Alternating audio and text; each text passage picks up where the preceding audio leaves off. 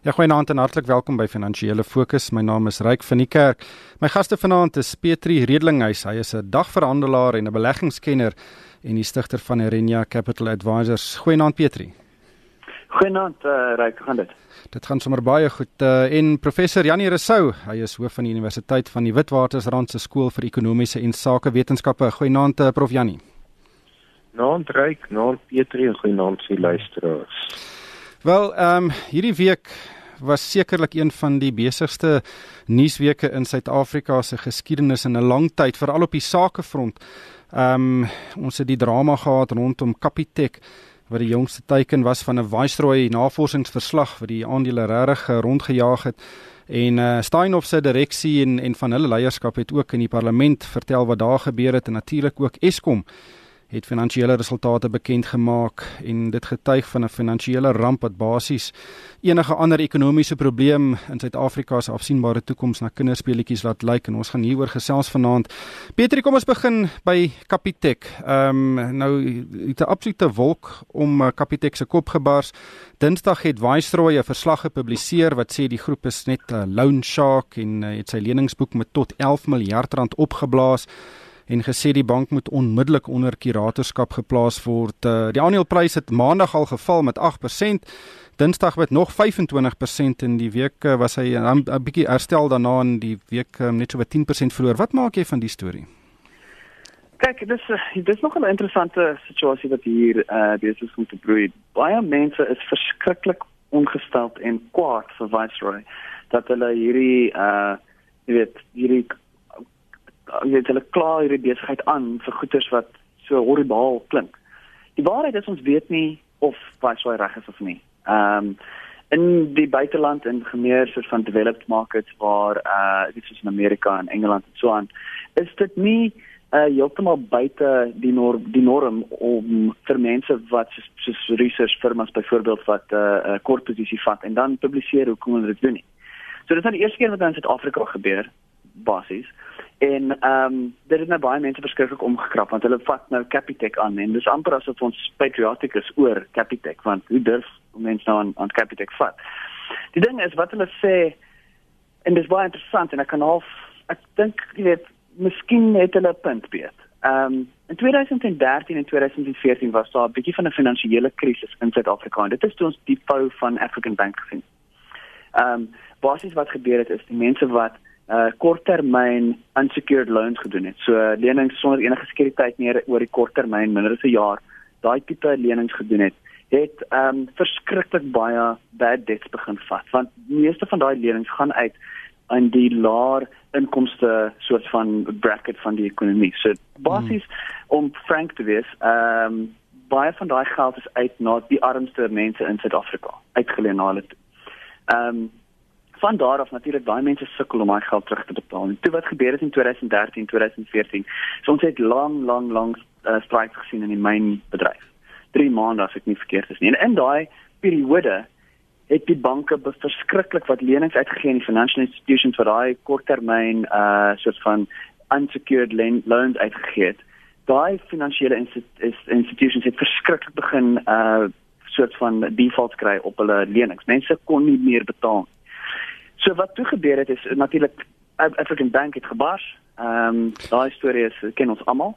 Ehm um, maar baie van die ander besighede 'n uh, so bad debt ratios is op so is op tot so 30%. So ongeveer 1/3 van al die lenings wat uit was, daai mense se se se debts se lenings afgeskryf word want hulle het nie meer betaal.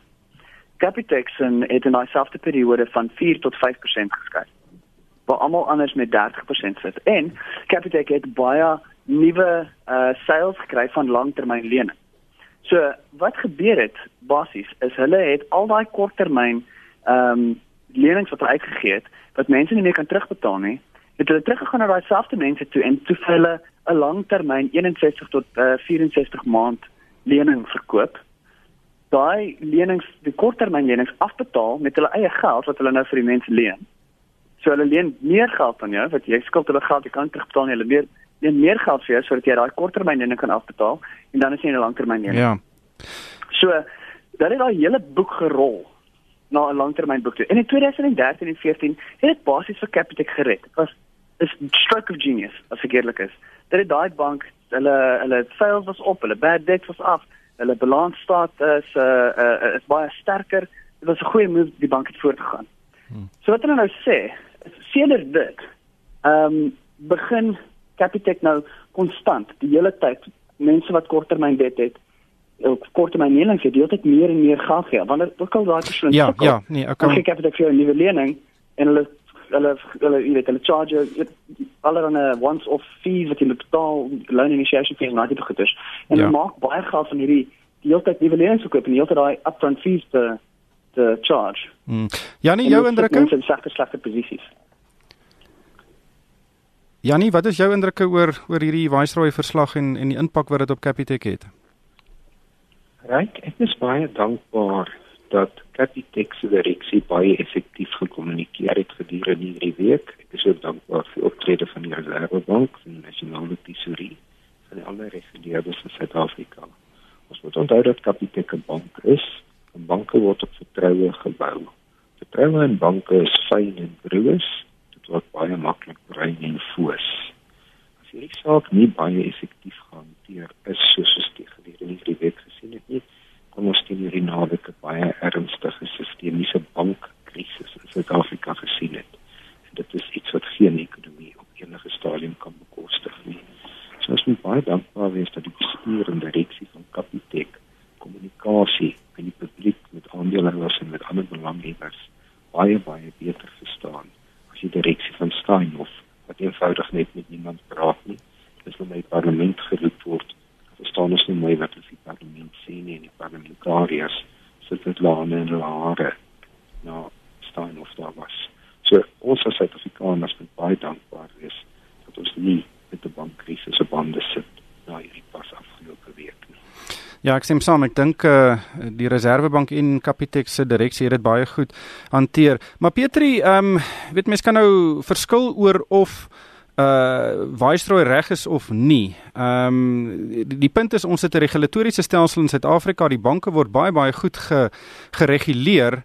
Ehm um, hoekom het beleggers en ek praat van professionele beleggers, mense soos jy en en ander batebestuurders in Suid-Afrika so heftig gereageer op hierdie verslag van van drie mense. Een is 'n afgedankte sosiale werker van Brittanje en die ander twee is Australiërs. Een is 'n ingenieur en die ander is is nie eens 'n rekenmeester nie. Hoe kan hulle hierdie mag oor sekere maatskappye en oor ehm um, beleggers hê in Suid-Afrika? Kyk, ek dink dis dis 'n interessante vraag en ek dink ook, jy weet, ehm um, jy weet jy, daar is baie regulatory uh, regulatory sort van oversight en, en strukture in plek om seker te maak dat uh depositors nie hulle geld verloor nie en so aan. So dit is ek dink belangrik om te weet mense wat geld met Capitec het is jy weet hulle hulle is veilig. Hulle gaan nie ehm um, al hulle geld verloor nie. Uh wat hoekom hoekom is Viceroy se stem so hard? Hoekom is mense so bang vir hulle? Ek jy weet dit is baie interessant. Die die markte of dit nou 'n professionele persoon is of 'n of 'n non-professional enigiemand wat in die mark uh belê en besigheid maak en keuses maak is maar ook net 'n mens. Okay, so nou as jy dan dink, jy moes die mees emosionele ding in die wêreld is geld. So wanneer mense bang raak of opgewonde raak oor aandele, dan speel daai emosionele ehm um, soort van extremes uit op die op die aandelemark. So daai dag toe daai rapport uitgekom het, ons het gesien Viceroy se rapport was op Steinhoff geweest. Hulle het daai rapport op Steinhoff gedoen. Aandelepryse was 9% af, 9% af toe een uh, jy weet dag een woensdag word ons wakker staan en ek nie meer CEO nie en hulle sit nie hulle resultate uit nie en die aandeel maak 61% laer oop vir die dag en hy val nog verder so deur die dag. En deur die loop van die dag baie vinnig het het so hulle hulle aanvanklike research report op staan af uitgesit en sê luister is nog nie klaar nie maar hier wat ons het. Hmm. en eers skielik het mense verstaan uh wat met van af aangaan. So nou in daai in daai oomblik het Viceroy vir hulle self sement as iemand wat weet wat niemand anders weet nie. Want niemand kon verstaan hoekom die aandeel so hard val nie en hierso was die Viceroy report wat dan vir ons nou sê, luister, hierso is die storie, dit wat aangaan, dis wat ons glo. En dit it turns out they were right. Okay, so nou is hulle reg. So nou ewe skielik word die mark baie bang, baie bang want Viceroy sê ons gaan nog 'n besigheid na kyk in die eerste kwartaal van die jaar. Maar hulle sê nie wat se besigheid nie. Ja. So nou word die mark bang en angstig En dan kyk hulle, is dit moontlik Aspen? Dan verkoop hulle Aspen. As meer is nie Aspen nie, okay, Aspen recover. Oh, it's a net die Rock Castle. Ja, dit moet wees. Boom. Dan verkoop hulle al daai mense is bang. Hulle wil nie die volgende, hulle wil nie aan die verkeerde kant van die volgende Warsaw report wees nie, want kyk, it's fine if it collapse, heeltemal. So hulle is bang dat dit daai impak gaan hê. So wanneer daai rapport uitkom of uh, mense het nou nie eens geweet wat in die research report was nie. Ja. Maar die oomblik wat daai ding uitgekom het, was daar absolute paniek. Niemand het gedink is Capitec. En ewe skielik Viceroy Capitec. Daai twee woorde het binne 'n minuut vir Capitec en Volatility Auction gesit. Want iemand het opgestel, het net gepaniek en het net alles wat hulle het gesê verkoop. Ja. En dit sou kom ons daai beweging gesien het van amper 1000 rand 'n aandeel na 705 rand toe in die loop van die dag en dan het hy gesluit op op 800 rand vir die vir die dag. Dit was dit was net chaos. Dit was net ja. absoluut paniek. En dit is maar net omdat Viceroy daai eerste span of report wat hulle uitgesit in Suid-Afrika was so akkuraat dat ehm um, hulle het ja. nou vir hulle so groot naam gebou dat mense vrees nou die volgende besigheid waarna hulle kyk. Kom ons gesels Jannie oor nog 'n storie wat ek dink nie die ligtheid gekry het wat dit moes gekry het nie weens hierdie ander groot stories wat hierdie week ons media oorheers het en dit was Eskom se resultate wat aangekondig is. Dis natuurlik laat aangekondig omdat die ouditeure baie bekommerd is oor of Eskom as 'n lopende onderneming kan voortbestaan. Ek moet sê ek het na daai state gekyk en na so koue rilling by my ruggraat afgegaan. Eskom se skuldlas is 367 miljard rand en daar is werklik nie 'n manier vir hulle om hierdie geld terug te betaal nie. Ehm um, weet dit, dit is 10% van Suid-Afrika se uitgawebegroting. Dit is 8% uh wel omtrent 8% van ons BBP. Dit is dis 'n enorme hoeveelheid geld. Het jy na daai Eskom se resultate gekyk en en dink jy daar's hoop? Ryk. Wat by Eskom aangaan is natuurlik 'n nasionale krisis. Dit is tekenend van wat by baie staats beheerde ondernemingsplase vind dit ten tye van staatskaping waar bates eenvoudig misbestuur is, verkeerd bestuur is dit tot voordeel van enkele kornuite wat saam met meneer Zuma werk. So Eskom moet baie duidelik baie dringend onder beheer van die departement van eh uh, staats uh, ondernemingsuitgawes minister van Brown is duidelik nie opgewasse om na hierdie groot entiteit te kyk nie. Dis kan baie argumenteer waar dit geplaas moet word, miskien by die departement van energie, miskien by nasionale tesourie. Maar dat daar 'n ferm band by Eskom nou baie dringend nodig is. Laat geen twyfel nie. Op die stadium met Eskom 'n nuwe direksie, Eskom met 'n nuwe uitvoerende hoof. Maar dit lyk vir my asof Eskom seker van sy bates sal moet afverkoop om uit hierdie dilemma te kom dan sal mens moet kyk watter van Eskom se bates maklik verkoop kan word en watter ander bates op watter wyse herstruktureer kan word om seker te maak dat Eskom voortbestaan as 'n globale onderneming. Maar Suid-Afrika is van Eskom afhanklik. Ek en jy sit met elektrisiteit want Eskom voorsien dit. So die die sleutelrol van Eskom in ons ekonomie kan nie onderskat word nie. Maar kyk, ehm um, as mens as Eskom nou 'n 'n privaat maatskappy was, was hy bankrot. Ehm um, so daar is 'n paar opsies voor die regering se deur. Nommer 1, die belastingbetaler moet weer opdok. En nommer 2, jy het verwys na die P-woord, die uh, privatiseringswoord wat regtig nie die gewildste woord uh, in die regering is nie en en, en 10 teen 1 nie eers op die agenda gaan wees nie. Ehm um, is daar enige ander opsie wat jy kan sien om self kan uitspeel want op 'n bedryfsvlak gaan Eskom nie uit hierdie gat kan kom nie.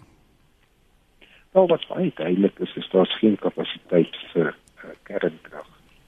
As dan enige twyfel oor kernkragbeleggings in Suid-Afrika was, die jongste state van Eskom dit nou finaal vir ons opgelos.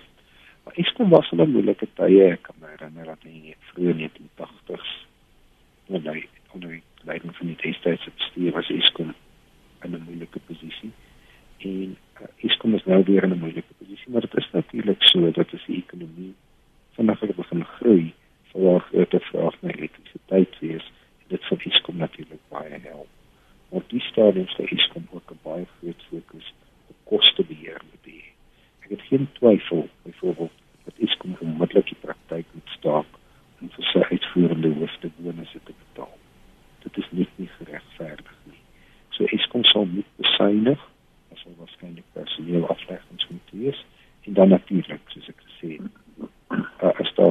vraag na elektrisiteit is van die ekonomie vinniger begin groei, sal dit help om die finansies by Eskom op te kry. Ja, dink daar moet dringend uh Petri gekyk word na die afverkoop van bates of om die Telkom model te volg waar die regering basies uh die die die maatskappy gedeeltelik privatiseer en dat uh, privaat sektor sakebeginsels daar toegepas word eerder as wat ons tans sien. Ja, dit is seker die ek dink die enigste soort van viable opsie wat gaan werk is ehm um, jy weet of privatisasie of om letterlik die mark oop te maak vir vir kompetisie. Ehm um, so baie jare gelede het Duitsland gesukkel met uh, wel nie dieselfde probleem nie, maar met die probleem dat hulle nie genoeg elektrisiteit ehm um, weet vervaardig nie. So wat hulle toe gedoen is, hulle het toe gesê wel jy kan jou elektrisiteitsmeter agteruit hardloop. So as jy uh elektrisiteit kan vervaardig by die huis en jy sit dit terug in die stelsel en dan kry jy, jy weet, wat ook al jy terug sit, kry jy terug. En as jy negatief is, dan word jy betaal. Ehm um, ek dink as ons so 'n tipe stelsel kan kry, dan sal ons binne 'n jaar uh baie soort daai van daai independent power producers um, begin kry. En in plaas van om alles deur Eskom te verkoop, as ons as ons independent power producers op regional basis kan kry, uh dan dink ek is daar 'n moontlikheid dat ons wat ons uit hierdie situasie kan uitkom want so ver ek verstaan Eskom het niks geld nie. Ehm um, hulle verloor dit negatiewe cash flow. Uh, hulle gaan nou in 'n in 'n so in die, in die tweede helfte van die jaar in of in die helfte van die jaar in waar hulle meer maintenance doen en minder sales het ehm uh, van elektrisiteit uh sales. So hulle revenue is laag, so hulle gaan in 'n negatiewe situasie in. Ehm um, hulle hulle is bankrot, dis sê. Die besigheid was is, is dit verby. So dan moet 'n manier wees. Die enige manier wat ek dink om effektief en so vinnig as moontlik die ding te kan opsom is of oplos is om uh die mark oop te maak vir kompetisie. Vir ander mense te sê uh jy weet, bring elektrisiteit. Nou soos wat ek verstaan, al die die kontrakte en die negotiations en al daai goeders in die in die bidding proses vir die independent power producers om elektrisiteit te vervaardig en aan Eskom te verkoop al daai goeders is gevries op die oomblik. So dit uh, jy weet die eerste werk is om daai prosesse weer in die gang te kry, om daai independent power producers te ja. kry om te begin uh en om te begin bou en te begin krag verkoop.